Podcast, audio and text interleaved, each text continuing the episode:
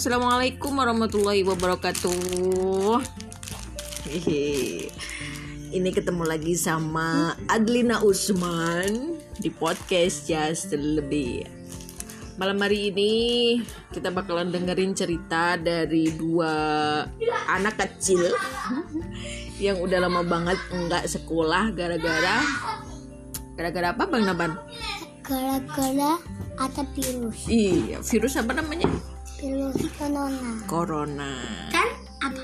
Dan eh, bersama dua bocil.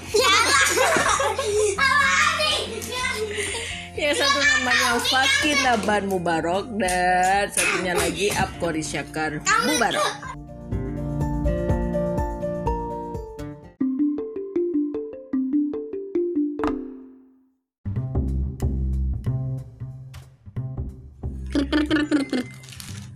mau Hey. pengen ceritain tentang NTT Mm-mm.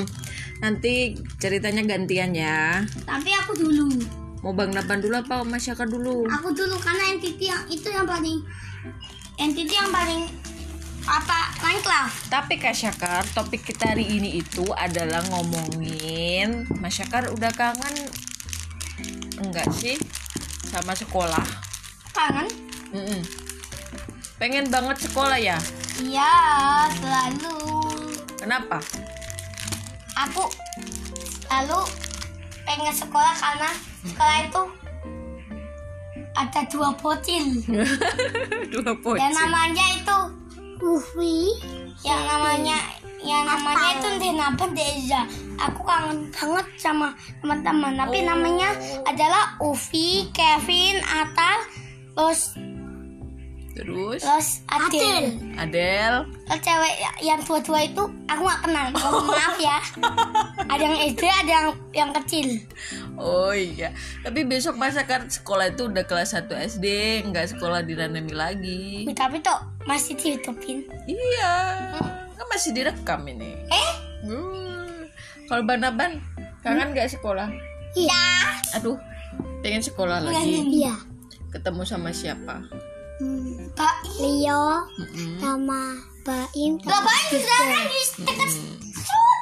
tinggal pakai sepeda kan neng? Sampai aja. Kan nggak perlu nggak perlu nggak perlu nggak perlu naik motor. Kan dekat. Deket katanya Mbak Im. eh Tapi kangen sekolah ya main sekolah, main di sekolah. Kalau Banaban di sekolah sukanya main apa? main Lego Deko. Lego selalu karena dia tip mau tipin robot kereta juga orang tapi orangnya jelek Mm-mm.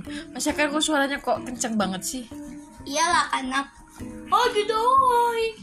So, aku banyak nggak habis habis Mm-mm. Sekarang Banaban yang cerita. Hmm?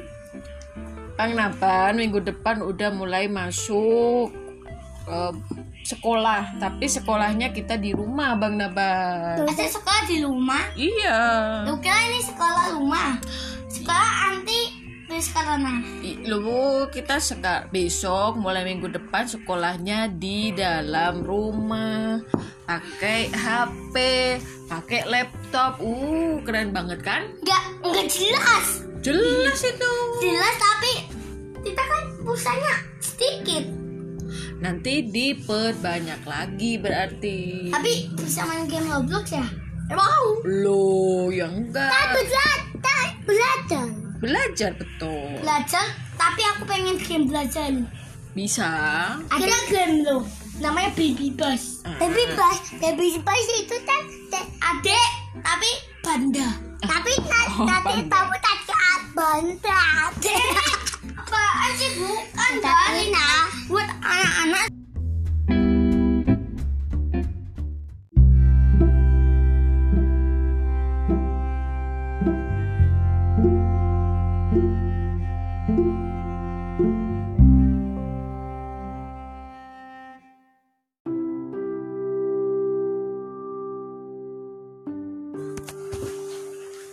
Jadi begitulah kalau kita lagi ngumpul bareng dan ngomongin sesuatu yang sebenarnya nggak jelas.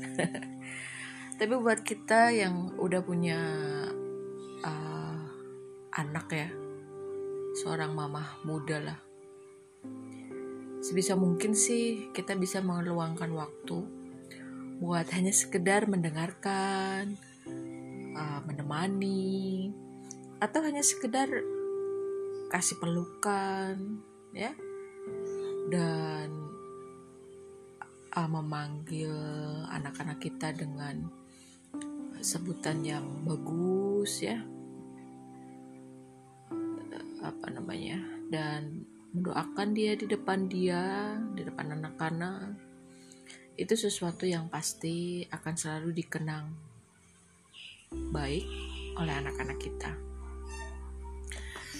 Terutama buat mama-mama muda yang waktu dari pagi sampai sore kita habiskan buat menyelesaikan gawean di kantor.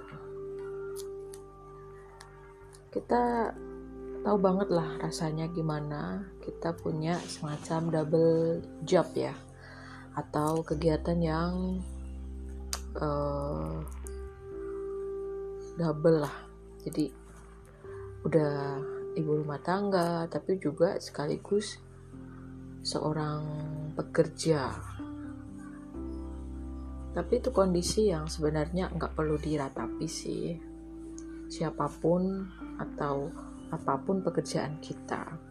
Entah dia seorang ibu yang hanya misalnya enggak kerja, mereka juga ibu-ibu yang luar biasa pastinya.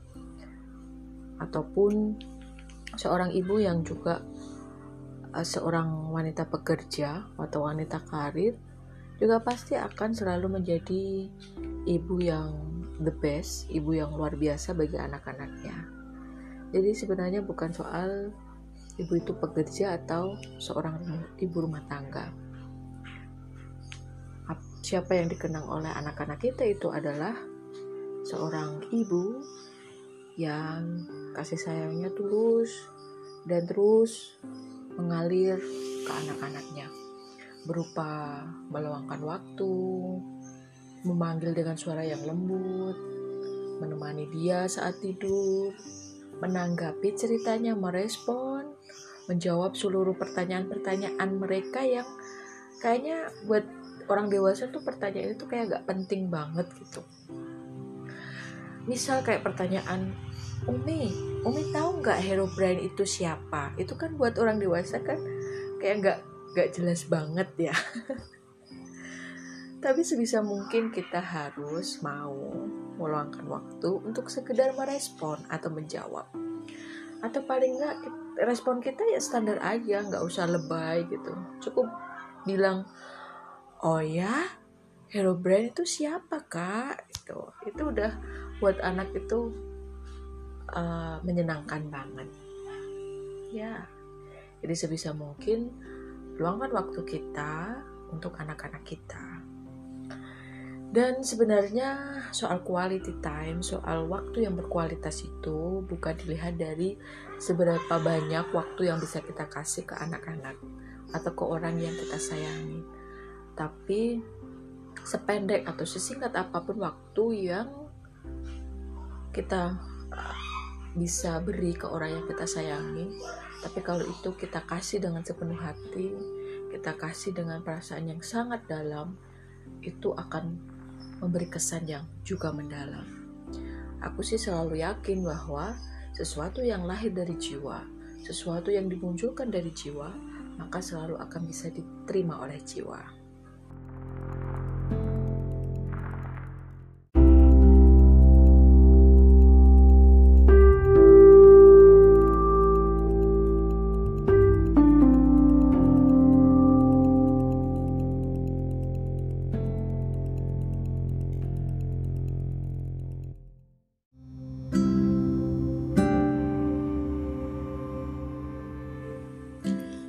Buat kita orang tua itu, kalau menurut aku sih, kita jangan sampai membatasi apa yang akan dilakukan anak. Dan apa yang kita beri ke anak itu, jangan sampai kita pamrih sekalipun kita itu orang tua. Jangan sampai kita itu melakukan sesuatu, kita beri sesuatu kepada anak, kemudian kita berharap bahwa kelak ketika kita udah tua, udah menua dan seterusnya kita berharap anak-anak kita bakalan ngerawat kita. Atau kita melakukan sesuatu yang terbaik untuk anak-anak kita saat ini tetapi kita sambil berharap bahwa masih ada anak-anak kita yang menemani kita di usia tua. Sekalipun sebenarnya itu sesuatu yang baik sih seorang anak tentu harus berbakti kepada orang tua. Tetapi kok aku uh, punya semacam mungkin atau aku nggak tahu ya ini prinsip atau keyakinan bahwa sebaik-baik apa pun pekerjaan yang kita lakukan atau sesuatu yang kita lakukan buat orang lain jangan pernah mengharap sesuatu yang itu muncul dari dirinya atau orang yang kita kasih kebaikan itu. Jadi semacam pam, jangan pamrih lah tulus ya tulus aja gitu. Nggak usah berharap sesuatu yang itu muncul dari seseorang yang kita kasih kebaikan itu. Ya berdoa memang harus kepada Allah. Mintalah kepada Allah. Tapi jalan Allah memberikan kebaikan kepada kita itu jalannya banyak banget.